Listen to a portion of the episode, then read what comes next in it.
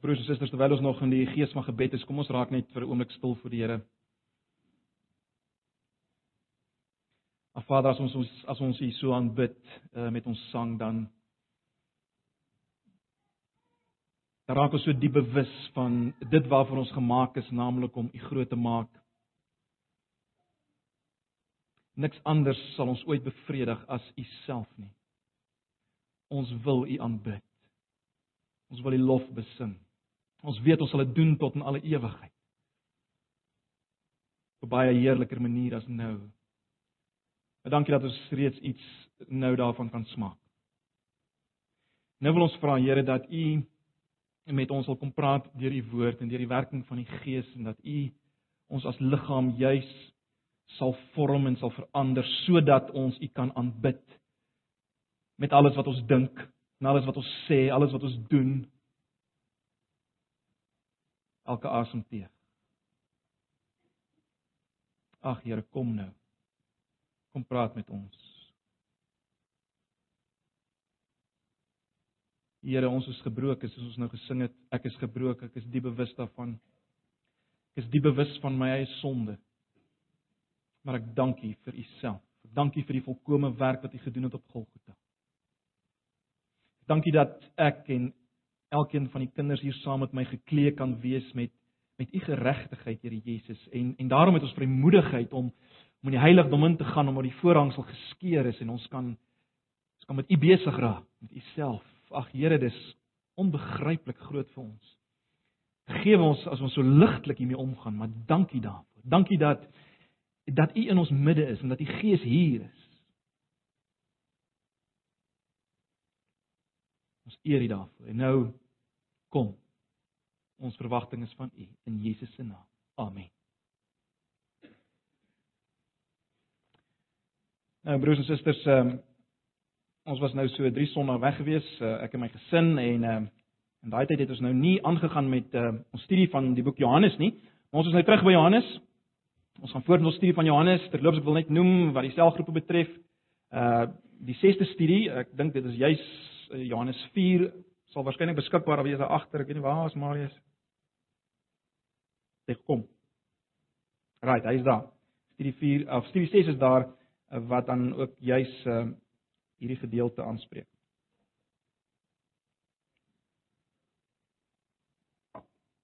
Kom ek lees vir, uh, vir ons Johannes 4. Dit is 'n baie bekende gedeelte. Uh, ons het hom al in 'n ander konteks ehm uh,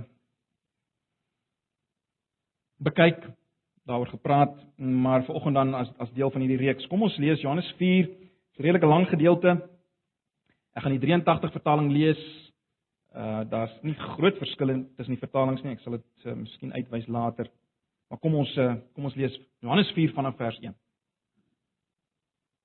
Die Fariseërs het gehoor dat Jesus meer disippels maak en doop as Johannes. Eintlik was dit nie Jesus uh, wat gedoop het nie, maar sy disippels. Toe Jesus dit verneem het, hy Judea verlaat en weer na Galilea toe gegaan. Hy moes deur Samaria gaan. Hy kom toe by 'n dorp in Samaria met die naam Sigar. Nou, heel waarskynlik eh, sou 'n beter vertaling wees Sichem, maar goed, dit net so terloops. Hy kom by hierdie dorp naby die stuk grond wat Jakob aan sy seun Josef gegee het. Die fontein van Jakob was daar en Jesus het toe, omdat hy moeg was van die reis, sommer by die fontein gaan sit. Dit was omtrent 6:00 die aand. Nou ek wil net sommer nou hier op wys. Ek het nog die die Die vroeë weergawe van die 83 vertaling, dis 'n foutiewe vertaling. Uh dit later reggestel uh met ek dink 12 uur die middag want uh die 6ste uur in die in die in die Grieks is nie 6 uur die aand nie, dit is 12 uur die middag want uh, die Jode het hulle tyd begin meet van 6 uur die oggend af. Dit net so terloop so uh dis nie 6 uur die aand soos my vertaling sê nie, dis 12 uur die middag. As jy meer daaroor weet, kan jy my na die tyd vra. Vers 7: Daar kom toe 'n Samaritaanse vrou water haal en Jesus vra vir haar: "Gee my 'n bietjie water om te drink." Sy disippels was intussen weg dorp toe om te gaan kos koop. Die Samaritaanse vrou sê toe vir hom: "Hoe vra jy wat 'n Jood is vir my, 'n Samaritaanse vrou, water om te drink?" Die Jode en die Samaritane gaan immers nie met mekaar om nie. Jesus het haar geantwoord: "As jy geweet het wat God gee." Letterlik as jy die geskenk, die gawe van God geken het, né? Nee soos die 83 uh, 53 dit stel. As jy geweet het wat God gee en wie dit is wat vir jou sê, gee my 'n bietjie water om te drink, sou jy hom gevra het en hy sou vir jou lewende water gegee het. Die vrou sê toe vir hom: "Meneer, jy het nie eens 'n skep ding nie en jy put is diep. Waar gaan jy die lewende water vandaan kry? Jy is tog nie meer in staat as ons voorvader Jakob wat hierdie put vir ons gegee het en self saam met sy seuns en sy diere daaruit gedrink het nie." Maar Jesus antwoord daar: Elkeen wat van hierdie water drink, sal weer dors kry, maar wie van die water gedrink het wat ek hom sal gee, sal in alle ewigheid nooit dors kry nie. Nee, die water wat ek hom sal gee, sal in hom 'n fontein wees met water wat opborrel en vir hom die ewige lewe gee. Die vrou het vir hom gesê: "Meneer, gee vir my van daardie water sodat ek nie meer uh, sal dors kry en hier hoef te kom water haal nie." Hy sê te vir haar: "Gaan roep jou man en kom terug hierheen." Die vrou het hom geantwoord: "Ek het nie 'n man nie." En Jesus sê vir haar: "Dis reg wat jy nou gesê het, ek het nie 'n man nie. Jy het reeds 5 gehad en die een wat jy nou het is nie jou man nie. Jy het die waarheid gepraat." Die vrou het hom gesê: "Meneer, ek sien dat u 'n profeet is. Ons voorouers het God op hierdie berg aanbid en tog sê julle, dis nou julle die Jode, uh, die plek waar 'n mens God moet aanbid is in Jerusalem." Jesus sê toe vir haar: "Glo my mevrou, daar kom 'n tyd wanneer julle die Vader nie op hierdie berg en ook nie in Jerusalem sal aanbid nie." Julle aanbid sonder om te weet wat julle aanbid. Ons weet wat ons aanbid want die verlossing kom uit die Jode. Maar daar kom 'n tyd en dit is nou wanneer die ware aanbidders die Vader deur die Gees en in waarheid sal aanbid, want die Vader wil juis hê dat die mense wat hom aanbid dit so moet doen. God is Gees en die wat hom aanbid moet hom deur die Gees en in waarheid aanbid. Die vrou het hom gesê ek weet dat die uh, dat die Messias kom, hy wat ook die Christus genoem word. Wanneer hy kom sal hy alles aan ons bekend maak. Toe sê Jesus vir haar: "Dit is ek. Ek wat met jou praat." Net toe sy net toe het sy disippels teruggekom en hulle was verbaas dat hy met 'n vrou praat. Tog het niemand vir haar gevra wat wil jy hê of vir hom waarom praat jy met haar nie. Die vrou het toe haar waterkruik net daar laat staan en na die dorp toe gegaan en vir die mense gesê: "Kom kyk, hier is 'n man wat my alles vertel het wat ek gedoen het. Is hy nie miskien die Christus?" Die mense het toe uit die dorp uit na Jesus toe begin kom. Intussen het sy disippels by hom aangedring: "Rabbi, eet tog 'n stukkie." Maar hy sê vir hulle ek het voedsel om te eet waarvan julle nie weet nie. Die disippels sê toe vir mekaar, sou iemand dalk vir hom iets te eet gebring het? Maar Jesus het vir hulle gesê, my voedsel is om die wil te doen van hom wat my gestuur het en om sy werk te voltooi. Sê julle nie nog 4 maande dan is die oes daar nie. Ek sê vir julle kyk daar, kyk na die lande, hulle is ryp vir die oes. Nou al ontvang die man wat oes sy loon en samel hy die oes in vir die ewige lewe. Soos die een wat saai en die een wat oes saam een.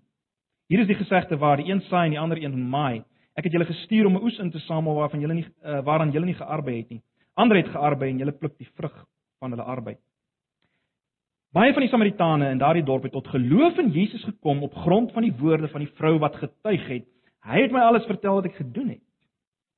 Toe die Samaritane by hom kom het hulle by hom daarop aangedring om by hulle te bly en hy het 2 dae daar gebly. Nog baie meer van hulle toe tot geloof in hom gekom op grond van wat hy gesê het. En hulle het vir die vrou gesê: "Ons glo nie meer op grond van wat jy vertel het nie, want ons het self na hom geluister en ons weet dat hy waarlik die verlosser van die wêreld is." Nou ja, dit was 'n lang gedeelte. Ehm uh, maar uh, is tog baie belangrik om uh, om die geheel gedeelte te sien. Nou broers en susters, uh ons weet in hierdie tyd dat Johannes die skrywer wil hê dat ek en jy moet glo dat Jesus die Christus is sodat ons kan lewe. Dis wat hy sê in Johannes 20 vers 31, dis die dis die hele rede waarom hy skryf. En ons het dit nou al tot vervelings toe vir mekaar gesê. Maar dit beteken dit beteken dat elke keer wanneer ek en jy Johannes voor ons oop het, moet ons mekaar vra glo ek nou, let wel. Glo ek nou in hierdie Jesus? En het ek hierdie lewe waarvan Johannes hier praat. Nou julle het gehoor ek beklemtoon hierdie. Ek beklemtoon hierdie want mense hou nie altyd van die Jesus wat Johannes aan ons kom voorstel nie. Hy pas nie altyd lekker in by ons idees van wie hy is en wat hy moet doen nie. Hy kom hy kom gooi dinge dikwels deurmekaar. En daarom is dit moontlik om 'n uh, ander Jesus vir jou te kies in wie glo en is moontlik om vanoggend besig te wees met 'n ander lewe as waarvan Jesus praat en waarvan Johannes skryf. Kyk, broers en susters, ons moenie 'n fout maak nie. Ons moenie 'n fout maak. Jesus het die dinge kom deurmekaar krap vir die mense in die tyd waarin Johannes geleef het en waaroor hy skryf. Jesus het dit kom deurmekaar krap. Moenie 'n fout maak nie. En hy doen dit steeds. Hy moet dit doen. Anders is ons nie besig met die regte Jesus en die regte lewe nie. Ek sê dit deurmekaar gekrap vir die mense in Johannes se tyd. Ek dink ons al mekaar gesê, uh ons moet weet die Jode in Johannes se tyd het 'n uh, het het 'n het 'n gestuurde van God verwag. Hulle het iemand verwag. Hulle het 'n Messias verwag. Maar hy die een wat uh, hulle sou bevry vir eens en vir altyd van hierdie klomp heidene. Hulle sou nie meer moeite gehad het met hierdie klomp heidene nie, veral nie die klomp Romeine nie. En hy sou uh alles waarmee hulle besig was soort van bevestig. Met ander woorde, hy sou veroorsaak dat hulle rustig kon voortgaan met alles waarmee hulle besig was, al hulle instellings, hulle tempel, hulle rabbies wat vir hulle sou leer wat hulle eintlik reeds geweet het, naamlik as jy wil deel hê aan uh, die nuwe ryk, let wel wat aan die einde sou kom, dis wat hulle geglo het. As jy wil deel hê aan daardie ryk, wel hou al die gebooie en die insettinge en en die instellings van die ou verbond. Broers en susters, uh, ons gaan nie nou daaroor praat nie, maar ons het natuurlik ons eie weergawe van al hierdie dinge, né? Nee. Jy het jou eie weergawe dalk vanoggend van al hierdie dinge waaraan hulle vasgehou het en wat hulle gedink het uh Jesus kom doen. Nou, julle sal onthou ons het tot nou toe al gesien dat dat Johannes kom wys ons dat dat die Jesus waaroor hy skryf, Jesus van Nasaret, uh die een wat onthou julle in Johannes 1 vers 1 tot 18 God self is. Die een wat vir ons kom wys hoe lyk God? Johannes 1 vers 8. God vir ons kom uitlê. Johannes kom wys vir ons dat hierdie Jesus kom trek 'n streep deur al hierdie dinge waaraan eh, die Jode vasgehou het. En so ek sê baie dinge waaraan ek en jy vas. Ons het dit gesien, né? Nee. Ons het dit gesien in Kana toe hy op 'n op 'n baie dramatiese manier uh die water in die reinigingskanne ver, verander het in wyn. Hy kom trek 'n streep deur hulle idee van hoe jy kan rein wees vir vir God.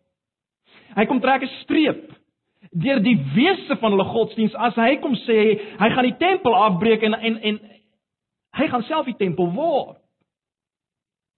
Hy trek 'n streep deur alles wat die rabbies hulle geleer het oor wie het deel aan die koninkryk van God as hy in Johannes 3 kom kom wys dat 'n nuwe geboorte is nodig. 'n Geboorte wat kom deur die magtelose kyk na die verhoogde en ons weet nou die gekruisigde seun van die mens. Hy kom keer alles om, broers en susters. En nou in die gedeelte wat ons gelees het in Johannes 4, gaan Johannes nou voort uh om ons voor te stel aan aan hierdie Jesus, hierdie radikale Jesus en hierdie lewe wat hy bring. En dit is steeds radikaal. Dit is steeds radikaal. En hy gaan steeds 'n streep 'n streep trek deur deur baie van ons idees oor hoe Jesus is en wat hy moet doen. So kom ons kyk na hierdie gedeelte. En ek wil hê ons moet daarna kyk. Dit is 'n gewellige groot gedeelte. Ons ons kan waarskynlik nie laat reg geskied vanoggend aan alles nie.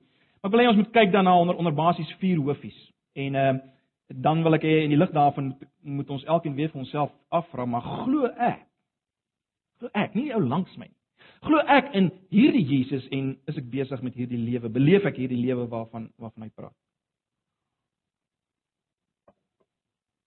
So ek wil hê ons moet in die eerste plek kyk na hierdie Jesus wat die opsoek wat ek en jy nie sou opsoek nie. Dis die eerste ding waarna ek wil hê ons moet kyk. Dan wil ek hê ons moet kyk na na hierdie Jesus wat geen waarde heg aan godsdienstige tradisies nie. En dan wil ek hê ons moet derdens kyk na hierdie Jesus wat gekom het om vir ons iets te gee wat niks en niemand anders ons kan gee nie. En dan laastens wil ek maar net hê ons moet as gemeente vir onsself afvra, kyk, as ons nou sê ons is die liggaam van hierdie Jesus, wat is die implikasies van hierdie gedeelte vir ons as as liggaam, as gemeente? So dis die pad wat ons gaan volg. Dis die pad wat ons gaan volg.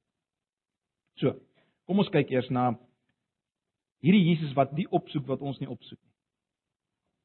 Nou in die eerste 4 verse, die eerste die eerste paar verse, uh wil Johannes die skrywer vir ons sê hoekom jo, uh hoekom Jesus homself in Samaria bevind. Nee, dit dit is wat hy wil doen. En uh soos Johannes lief is om te doen, ek het al daarna verwys, uh hy wil altyd wys daar's daar's twee vlakke van dinge. Daar's daar's 'n hemelse rede en daar's 'n aardse rede of of andersom, daar's 'n aardse rede en 'n hemelse rede of as jy wil, daar's 'n voor die hand liggende rede vir iets wat Jesus sê en doen. En dan's daar 'n dieper rede waarom hy iets doen. So ons ons kan verwag ons gaan dit weer hier kry. Nou uit die ander evangelies uh weet ons dat Jesus het sy bediening in Galilea begin nadat Johannes die Doper gearresteer is. Nou, Jesus se verbintenis met Johannes uh en die feit dat hy nou meer disippels begin maak het as Johannes uh het beteken dat dat dit begin nou vir hom uiters gevaarlik raak, né? Nee, begin nou vir hom gevaarlik raak en en dis oënskynlik die rede waarom hy na Galilea gaan en dis oënskynlik waarom Johannes sê hy moes deur Samaria gaan. So oënskynlik omdat hy eintlik moes vlug in 'n sin vir sy lewe. Dis oënskynlik die rede. Maar is dit die ware rede? Is dit die is dit die dieper rede? Kyk, ons moet onthou dit was die meer direkte roete na Galilea deur Samaria. Maar die Jode het nie daai roete gevolg nie. Hulle het vermy soos die pens. Want die Jode het alles gedoen om die Samaritane te vermy, nê? Nee, ons het al baie daaroor gepraat met mekaar. Julle sal weet daar was 'n baie baie diep vyandigheid tussen die Jode en die Samaritane, geweldig diep. Dit gaan terug na die ballingskaptyd. Die Samaritane uh, was Joodse ouens wat getrou het met die Assiriërs en hulle was daarom halfbloede, hulle was basters. Maar meer as dit. Hulle het 'n ander godsdiens begin aanhang, so 'n soort van 'n sinkretistiese godsdiens. Hulle het hulle eie plekke van aanbidding gehad. Hulle eie tempel. Broers en susters, niks wat ons ken uh kan vergelyk word met hierdie hierdie hierdie, absolute afskeid en haat tussen hierdie twee groepe nie. Dit laat apartheid na 'n sommerskool piknik lyk. Reg? Geweldig diep.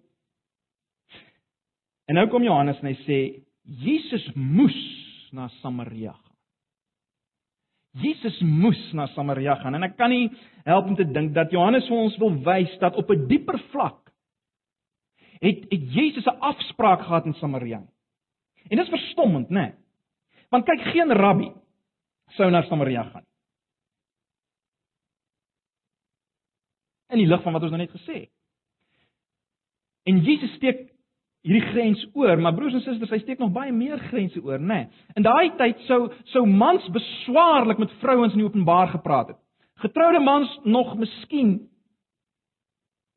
Maar selfs dit was was was was nie aan die aan die orde van die dag nie. Enkel lopende mans glad nie. Hulle sou nie met vrouens geraak uh, gepraat het nie en ook nie aan hulle geraak het. Hoeveel te meer nou nog 'n rabbi, let wel Jesus het bekend gestaan as 'n rabbi, hoeveel te meer nog 'n rabbi? En dit verklaar natuurlik waarom die vrou so verbaas is in vers 9, het jy dit opgelet? Sy's baie verbaas in vers 9. So wat ek probeer sê is dit, die feit dat Jesus uh met 'n Samaritaan praat is totaal en al klaar teen die grein van enige Jood van die dag. Maar dit is nie net 'n Samaritaan nie, dis 'n Samaritaanse vrou, né? Nee, dis 'n vrou. Dit verduidelik natuurlik ook die disippels se verbasing in vers 27. Wat gaan hier aan? So, broers en susters, wat ons moet raak sien is dat die verbasende ding hier is nie dat Jesus vir hierdie vrou water vra nie. Die verstommende ding is dat hy hoegenaamd enigsins iets van haar vra. Dat hy enigsins met haar praat. En nou let op Hierdie was ook nie 'n goeie Samaritaanse vrou nie. Dit word reeds duidelik uit die tyd van die dag wat sy by die put was. Ek het vir julle genoem dat ons ons moet dit verstaan as 12:00 in die middag. Nou Hoekom is dit belangrik? Wel, dit was 'n totaal ongewone tyd. Kyk, die vrouens was die mense wat die wat die water by die put gaan trek het, maar hulle het dit in die in die, in die namiddag gedoen in die koelte van die dag. En uh, dit was sommer 'n lekker sosiale bymekaar kom en soos soos die vrouens gaan het hulle sekerlik ek wil nie sê hulle het geskinder nie, maar dit was kinderlik lekker gepraat. Hierdie vrou kom op 'n tyd wat niemand water skep nie. In die middaguur wat baie warm was terloops dis op die oppervlak weer eens waarskynlik hoekom Jesus nou by die put was, hy was dors.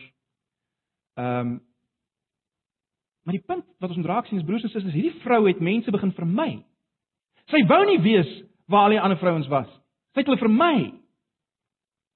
En die rede daarvoor lê waarskynlik in dit wat ons later sien, naamlik dat sy waarskynlik 5 keer al getroud was. En heel waarskynlik as gevolg van haar eie ontrouheid. Sy was 'n 'n vrou van slegte sedes. Ons kan baie raai oor hierdie vrou en uh ons kan vreeslik daarop ingaan. Die punt is net hier het ons 'n eensame vrou, 'n baie eensame vrou met 'n klomp mislukte verhoudings agter haar, 'n gebroke vrou, 'n stikkende vrou, 'n uitgedrukte vrou.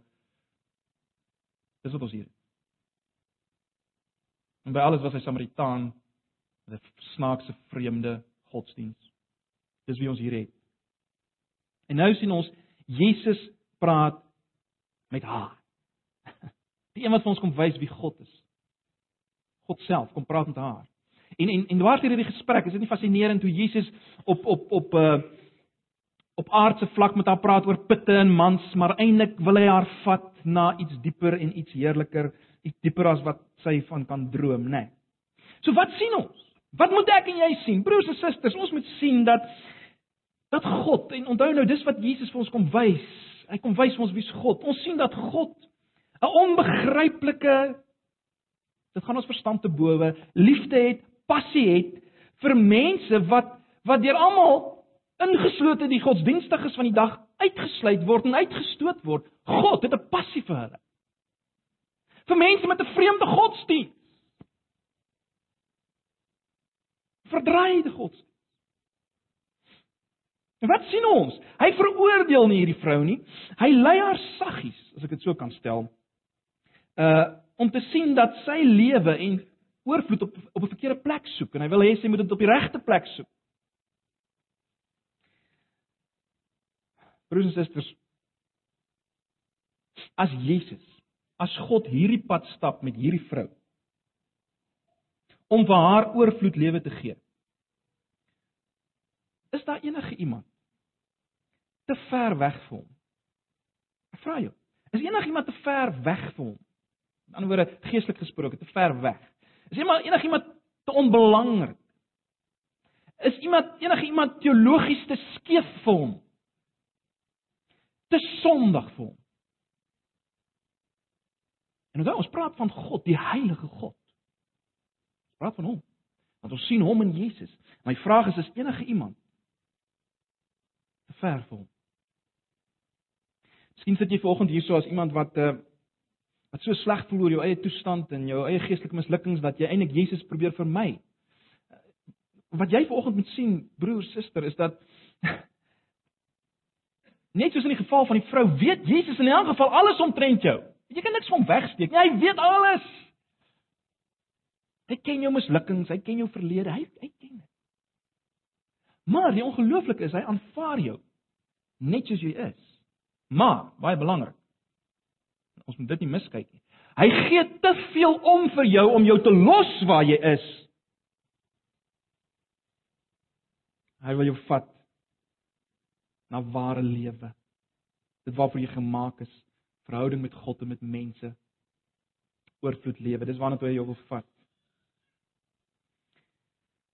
Ag broers en susters, hierdie gedeelte behoort ons baie hoop te gee. Net die kontras tussen Johannes 3 en Johannes 4 behoort ons baie hoop te gee. Ons onthou in Johannes 3 sien ons daar's 'n daar daar's 'n daar's 'n Jood, 'n man, 'n rabbi, 'n ou van 'n hoë sosiale klas. 'n 'n ou wat in alle aanstekens 'n geregtigheid gehad het waarop hy kon reken. Hy was baie getrou aan al die insettinge en gebooie. Hy kom in die nag na Jesus en en hy bly eintlik in die duister na sy gesprek met Jesus. En hier, hier sien ons 'n vrou 'n Samaritaan, iemand van 'n lae sosiale klas, 'n sondaar, sy het geen niks gehad waarop sy kon staat maak van as dit kom by geestelikheid nie, niks. En sy word die disipel van Jesus. Dit behoort ons hoop te gee, broers en susters. Dit behoort almal van ons hoop te gee. die slegstes onder ons. So. Die vraag is, glo jy in hierdie Jesus? Glo jy in hierdie Jesus, in hierdie God? Die een wat kies wat ek en jy nie sommer sou kies nie. Ek hoop julle sien dit hier ook. Ons het op 'n stadium hieroor gepraat. Ek hoop julle sien dat hy kies die wat ek en jy nie sou kies nie. Ek hoop julle sien God is ongelooflik ruimhartig. Ek wil jy met jouself bietjie afvra, is jou God, jou Jesus waarmee jy besig is, is hy dalk 'n 'n soort van 'n wetgewer uh wat eers prestasie van jou kant af verwag voordat hy met jou gaan praat en jy met hom kan praat, moet jy eers daarom iets kan voorhou en sê wel ek het daarom my deel gedoen vandag, jy weet ek het my stilte tyd gehou. Presteer daarom. Is dit hoe jy dink oor Jesus? Is jy bang vir jou Jesus, jou God dat hy nie regtig tevrede is met jou nie? Nou as jy besig met die verkeerde Jesus. So my vraag is glo jy in hierdie Jesus?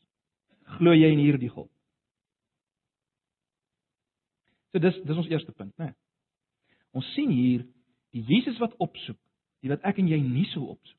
En dit behoort ons te verstom. Dit behoort ons in sy arms te dryf. Dit behoort ons toe te dit behoort te, te maak dat ons hom sal toelaat om ons te vat na meer. Ag, broers en susters, dis my gebed dat ons hom so sal sien. Maar kom ons gaan na die tweede punt. Hierdie Jesus Hierdie Jesus heg geen waarde aan godsdienstige tradisies nie. Met ander woorde aan plekke, gebruike, mense ensovoorts. Wat ons hier moet raak sien is dat Jesus hier in die eerste plek te staan kom teen 'n tradisionele put wat geassosieer is, sou julle opgemerk het, met met een van Israel se godsdienstige helde Jakob. Hy was een van die groot manne vir Israel, vir die Jode, ook binne hulle geloof. En wat sien ons hier? Wel, ons sien dat Jesus mors nie veel woorde oor hierdie put nie. Wat maak hy duidelik? Hy maak duidelik dat hy kan bied wat Jakob nie kon bied nie en Jakob se put nie kon dit bied nie. En hy kan mense transformeer, iets wat Jakob nie kon doen nie, sodat hulle lewendgewende putte word. Hy, hy mors nie sy asem om te praat oor Jakob en sy put. Kom wys hy vir meer, baie meer. Maar dis meer as dit, broers en susters. Jesus kom daag die heiligheid en die betekenis van die Gerisimberg en Jerusalem uit. Nou ek ek praat van die Gerisimberg, die berg waarvan hier gepraat word is is is waarskynlik die Gerisimberg. Ek het nie nou tyd om vir julle dit te verduidelik nie. Glo my maar, maar maar dis wat hy uitdaag die heiligheid en die betekenis van hierdie Gerisimberg en Jerusalem. Dit was heilige plekke, moenie 'n fout maak nie. 'n Kosbare heilige plekke vir die Jode en die Samaritane. Nou die Samaritane het nie Jerusalem meer beskou uh, as as as die plek wat aanbid moet word nie, as heilige plek nie, maar hulle het vasgehou aan hierdie Gerisimberg. Nou dis die plek waar waar Abraham waarskynlik uh, geoffer het net voor hierdie berg en dit was die berg waarvandaan die die seëninge van die verbond afgekondig is Dis onthou as twee berge, hier was die berg waar die seëninge van afgekon uh, afgekondig is toe die volk die land ingegaan het. Nou Jerusalem natuurlik aan die ander kant was soos julle sal weet die plek waar waar God aanbid is deur die Jode. Ek meen is ondenkbaar dat God op enige ander plek aanbid word. Dis waar God is. Nee, dis waar God is.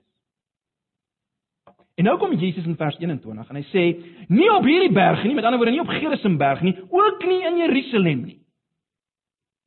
God word nie meer daaraan bid. Nou, in die aard van die saak is dit moeilik vir ons om die skokkende impak hiervan te verstaan vir vir mense van sy dag.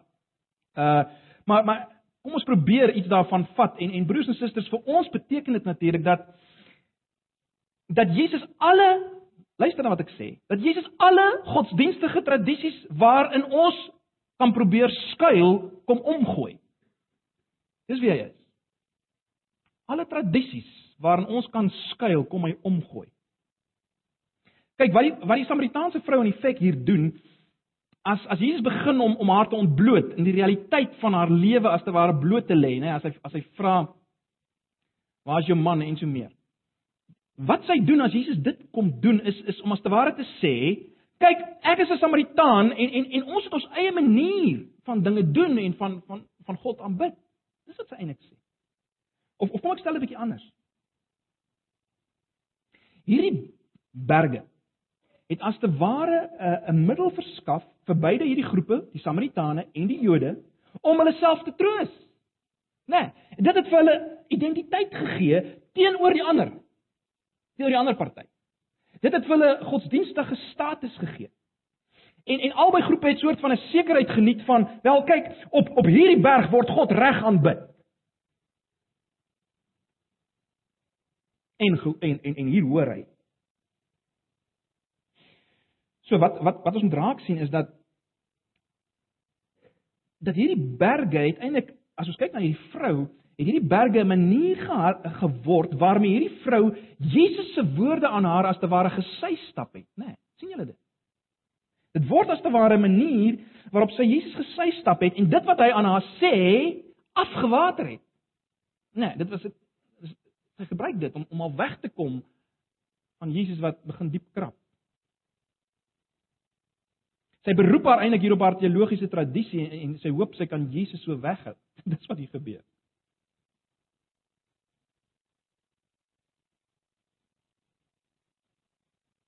En Jesus uh kom wys natuurlik dat godsdienstige berge broers en susters het soveel te doen met met die waarheid as wat as wat 'n put in in Sichem te doen het met die lewende water wat God aanbied.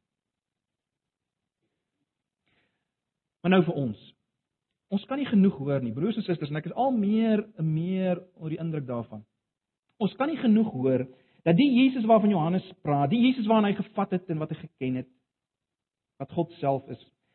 Ons kan nie genoeg hoor dat hierdie Jesus stel nie belang in godsdienstige teologiese kerktradisies en plekke nie. Hoor wat ek sê. Hy stel nie belang daarin nie. Hy stel belang in hierdie vraag. Hy stel belang in hierdie vraag. Luister baie mooi. Hy stel in die vraag: "Het jy al die lewende water ontdek en weet jy wie dit gee?" Dis waarna hy belang stel. En ons moet dit hoor. Weet nie einde van Johannes gedeelte wat ons nie regtig na gekyk het nie, maar aan die einde van Johannes 3 kom die skrywer Johannes en hy en hy wil eintlik vir ons wys hoe gevaarlik dit is om om vas te hou aan aan aan groot predikers, charismatiese figure, soos Johannes die Doper. En daarom kom wys hy vir ons dat Johannes die Doper op die ou end sê, "Hy, Jesus moet meer word en ek moet minder word." Daar kom wys Johannes dit alreeds vir ons, die skrywer. En hierdie gedeelte, broers en susters, kom gaan hy verder as te ware hiermee. En daarom Kom ek stel dit so, as as ek en jy uh met vreemde mense begin praat. En van die eerste dinge wat ons hulle sê is kyk, ek is ek is 'n gereformeerde of ek is 'n kalvinis of ek is 'n baptis of ek behoort aan Antipas. Dan moet daar rooi ligte brand. Of as ons in ons gesprek meer praat oor oor Luther of Calvin of Spurgeon of Piper, maak nie saak wie nie, as ons meer oor hierdie persone praat as wat ons oor Jesus praat, is daar groot fout. Ons moet versigtig wees. Broers en susters, as ek nie dit vir julle sê nie, dan is ek nie eerlik met hierdie gedeelte nie. Ek sê weer, die groot vraag vir oggend is dit: Het jy vergeet van alles wat jy weet? Het jy al die lewende water en weet jy wie dit gee? En dis die vraag vir myself vraag waarmee ek myself moet konfronteer.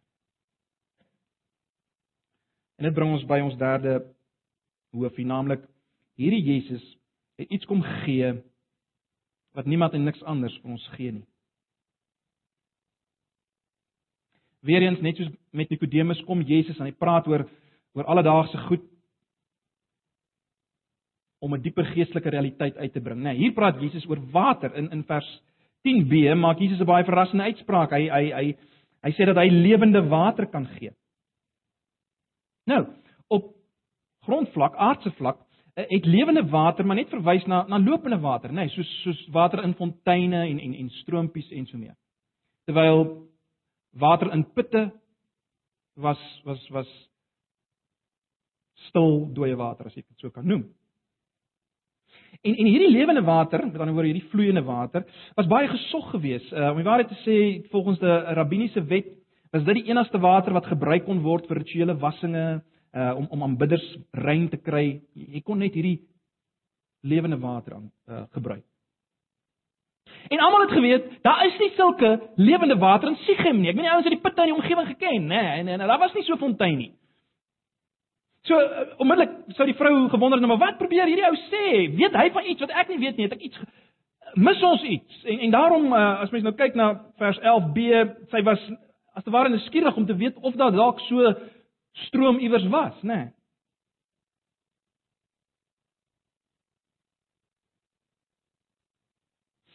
Maar natuurlik weet ons dat Jesus wil hê sy moet verder kyk, né? Nee.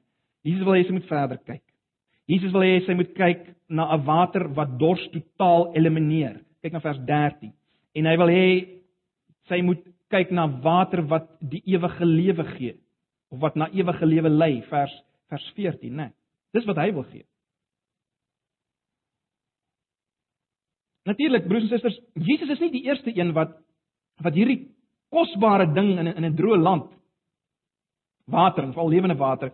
Jesus is nie die eerste een wat dit gebruik as simbool van iets dieper nie, nê. Nee. Julle almal ken uh, Jeremia in 2 vers 13 waar God sê: "My volk het twee sondes begaan. Hulle het my, die bron van lewende water verlaat en hulle en hulle het vir hulle waterbak uit klip gekap, bakke wat gebars is wat nie water kan hou nie." Aangrypende gedeelte.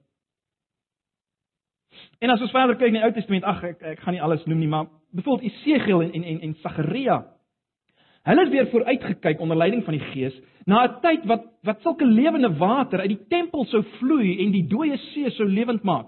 'n Aangrypende gedeelte. Gaan lees Jesegiel 47, daai eerste 12 verse en Sagaria 14 vers 8. Hulle het vooruitgekyk na so 'n tyd. En nou is dit interessant, selfs die die die rabbies in Jesus se tyd het alreeds verstaan dat hierdie water verwys na die Heilige Gees. En hulle doen dit natuurlik veral in die lig van 'n gedeelte soos Esegiel 36 vers 25 tot 27 wat water en gees saambring, né? Nee. So om dit baie kort en kragtig te stel, as Jesus praat hier broers en susters van van uh van die lewende water, dan praat hy van die nuwe lewe wat beskikbaar is deur die gees van God. Niks anders. Dis waarvan hy praat praat van die nuwe lewe wat uh, beskikbaar is deur die Gees van God. As ons verder gaan in Johannes en ons kom hoofstuk 7, dan sien ons daar's geen twyfel daarin. Eksplisiet in Johannes 7 word water en gees saamgedink. Die punt wat ons hier moet raak sien is dit. Jesus self en niks niks anders. Die tradisies, die plekke, die groot figure kan nie dit gee nie. Jesus en hy alleen is die bron van hierdie uh lewende water wat selfs hierdie vrou in isolasie, hierdie hierdie verstote vrou, hierdie sondige verkeerd denkende vrou kan verander. Hy is die bron daarvan. En en dit is die is die gawe, die geskenk waarvan hy praat in vers in vers 10, nê, nee, wat God kan gee. Baie interessant in Handelinge as die Christene praat oor die Heilige Gees, praat hulle van die gawe, die geskenk van die Heilige Gees. Dis waarvan Jesus praat, dis wat hy kan gee. En broers en susters, wat ons moet sien is is dit Jesus praat nie net van 'n 'n 'n belewing wat ons status verander nie. Hy praat van 'n dinamiese belewing wat lewe so lewend maak soos die water self. Dis waarvan hy praat. Hy wys dat hierdie water, die Gees, sal 'n lewe transformeer tot 'n put wat oorborrel, né? Nee. So wat ons hier sien is dat hierdie vrou, eh, sy soek na sy kom na 'n put. Sy soek na 'n vloeiende water.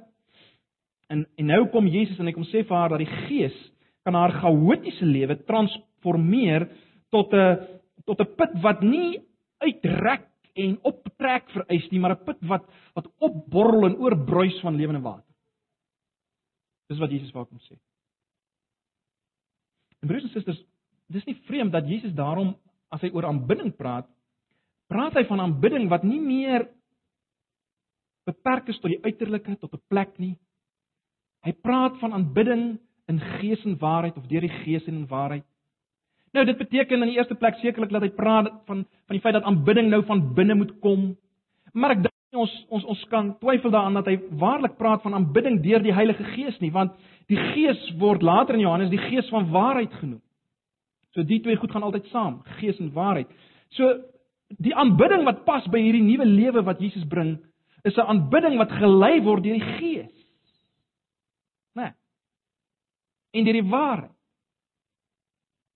Dis 'n radikale ander aanbidding as as waaraan die vrou gewoond was. En waaraan jy miskien gewoond is. Dis wat Jesus kom bring. En net hy kan dit bring. Dit is fascinerend net om te sien hoe die hoe die hierdie vrou uh aanvanklik niks verstaan het waarvan Jesus praat nie.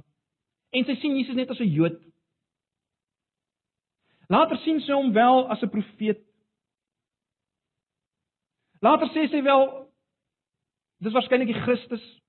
En heel op die einde, broers en susters, dan dan praat sy van hom as die verlosser van die wêreld. Sy het verander. Sy het die lewende water gekry en sy het self 'n oorborrelende put geword, né? Nee, ons sien dit as sy gaan praat met al die ander Samaritane. Sy vertel vir hulle van die een wat sy ontmoet het. Ons kan baie lank hierop aangaan. Het jy hierdie lewe? Dis die vraag. Het jy hierdie lewe? Hierdie lewe wat net Jesus kan gee. Dit gebeur nie altyd eensklaps nie, nee, dit kan deur 'n proses wees wat jy gaan totdat jy waarlik hierdie water ontvang en totdat dit 'n fontein word wat oorborrel.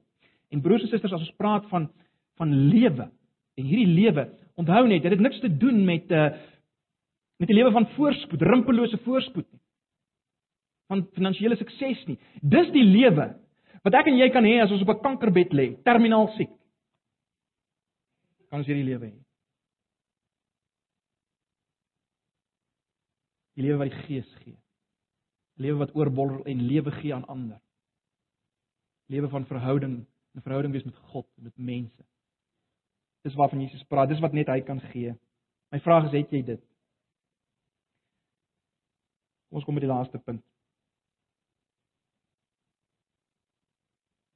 Wat is die implikasies vir ons as gemeente as ons sê ons is Jesus se liggaam vir wie hy in die wêreld instuur net soos hy in die wêreld ingegaan het. Ehm um, ons het al baie mekaar in hierdie gemeente gesê dat in Johannes 20 vers 21 kom sê Jesus vir die vir die kerk in embrionale vorm, die die disippels, hy sê vir hulle soos die Vader my gestuur het, stuur ek julle. Dis wat hy sê. In, in implikasie beteken dit dat hy ons stuur soos soos wat hy hier na Samaria gegaan het. Loop is baie interessant dat as ons na Handelinge kom dan dan evangeliseer Filippus vir Samaria in Handelinge 8. En baie baie interessant. Uh wie word gestuur saam met Petrus om die Heilige Gees daar as te ware af te bid? Wel Johannes. Selfs skrywer wat hy skryf. Die punt wat ek wil maak is net dit. Hierdie gedeelte is ook bedoel vir ons as sy liggaam. Ons moet onsself afvra met ander woorde, waar is Samaria vir ons? Ons moet dit vra, anders is ons nie getrou aan die aan die teks nie. Waar is Samaria vir ons? En en broers en susters, ek wil baie eenvoudig stel. Ek dink ons moet in die lig van hierdie gedeelte sê Samaria is oral waar eensame teologies andersdenkende sondaars is. Daar Samaria vir my en jou en vir ons gemeente. En daarom is dit is die punt baie eenvoudig en ag ons het dit al so vir mekaar gesê. As ons werklik die gestuurde liggaam van Jesus wil wees, dan dan is ons liggaam wees nie beperk tot ons byeenkomste hier op 'n Sondagoggend nie, maar is dit 'n is dit 'n inbeweeg oral in Samaria, oral waar eensame teologies verkeerd denkende sondaars. Dis waar ons moet inbeweeg, broers en susters. Dit wat dis wat ons moet okkupeer. En nou weet ek dat ons praat baie oor hierdie dinge en ons bestudeer al die moontlikhede maar maar ons kom selde daar. En ek is ek is deel daarvan.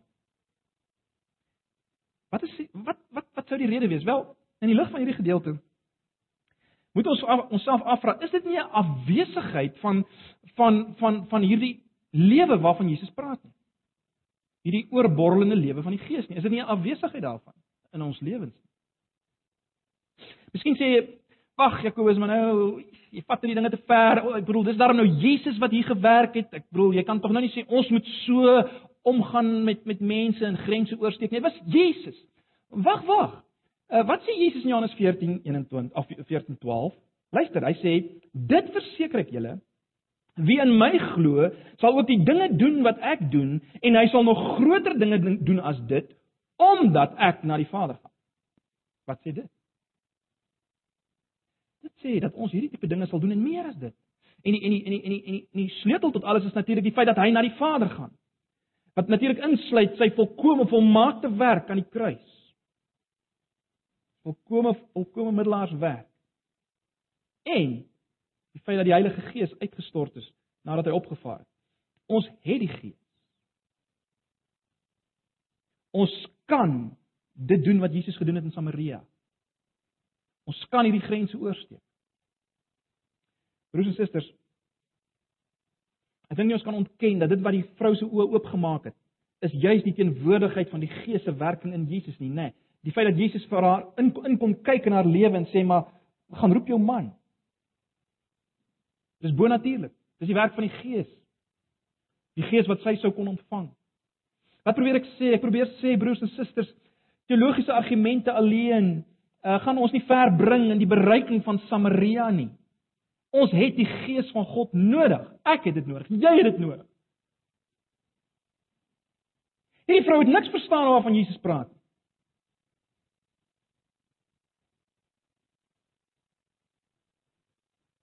Tot die gees haar lewe as te ware kom ontbloot het. Wat ek net probeer sê is broers en susters, mense rondom ons is in dieselfde posisie.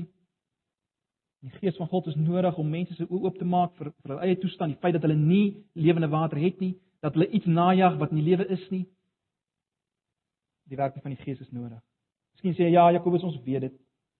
Die punt is broers en susters, as ons dit weet, verwag ons dan iets meer? Verwag ons pleit ons hierdie lewe af? Kom ons na Jesus vir hierdie lewe? Kom drink ons by hom? Dalk is 'n meer grondliggende vraag dit. Is ons besig met hierdie Jesus? In ander woorde, is ons besig met die Jesus, die God wat Samaritaanse vroue opsoek of is ons besig met 'n Jesus wat net besig is met netjies geklede gereformeerdes in 'n mooi gebou? Ons moet onsself dit afvra as gemeente. Met watter Jesus is ons besig? En dan 'n tweede vraag. Beleef ons hierdie lewe? beleef ons hierdie lewe? Hierdie lewe wat oorvloei in mense se lewens aanraak, beleef ons iets daarvan of is, is ons koppe net vol kennis? Ek is oor die tyd. Ek sluit maar net weer af met die vraag waarmee ons begin het, broers en susters. Ken jy hierdie Jesus? Beleef jy hierdie lewe? Dit help nie ons bluf onsself nie. Kom ons raak 'n paar oomblikke stil en, en, en bring jouself net na die Here toe en sê net vir hom waar jy is. Hy weet dit alreeds. Maar kom sê dit vir hom. Hy wil jou ontmoet waar jy is. En hy wil vir jou lewende water gee. Ek gee geleentheid vir stil gebed vir 'n paar oomblikke en dan sluit ek af. Heerlike Here Jesus, U hoor nou elke versigtiging, elke gebed wat opgaan uit harte wat U ken. U weet wat in ons lewens aangaan, Here. Vanoggend het ons gehoor dat U vir, vir ons werklik iets meer wil gee. U stel nie belang in in alles wat ons weet nie. U stel belang in die vraag of ons die lewende water het en of ons weet dat U dit gee. Nou wil ek vra, wil U nie nou kom en en ontmoet met mense hier in ons midde? Wil U nie kom water gee nie? Kom lewe gee nie, U Gees gee nie. En ons dank U Here dat ons kan weet dat U dit kan doen nie omdat u sonde oorsien nie, nie omdat u 'n kompromie maak nie, maar omdat u reeds verbrysel is deur God op Golgotha vir sonde, elkeen se sonde wat hier sit. En daarom kan u aanraak en genees en lewe gee, die Gees gee, want u het die prys betaal. U het gedoen wat gedoen moet word. Dankie Here Jesus dat ons dit nie hoef te doen. Dat ons dit kan ontvang as 'n geskenk. Ons eer U daarvoor. Ons dankie daarvoor. Hoor ons gebed in Jesus se naam. Amen.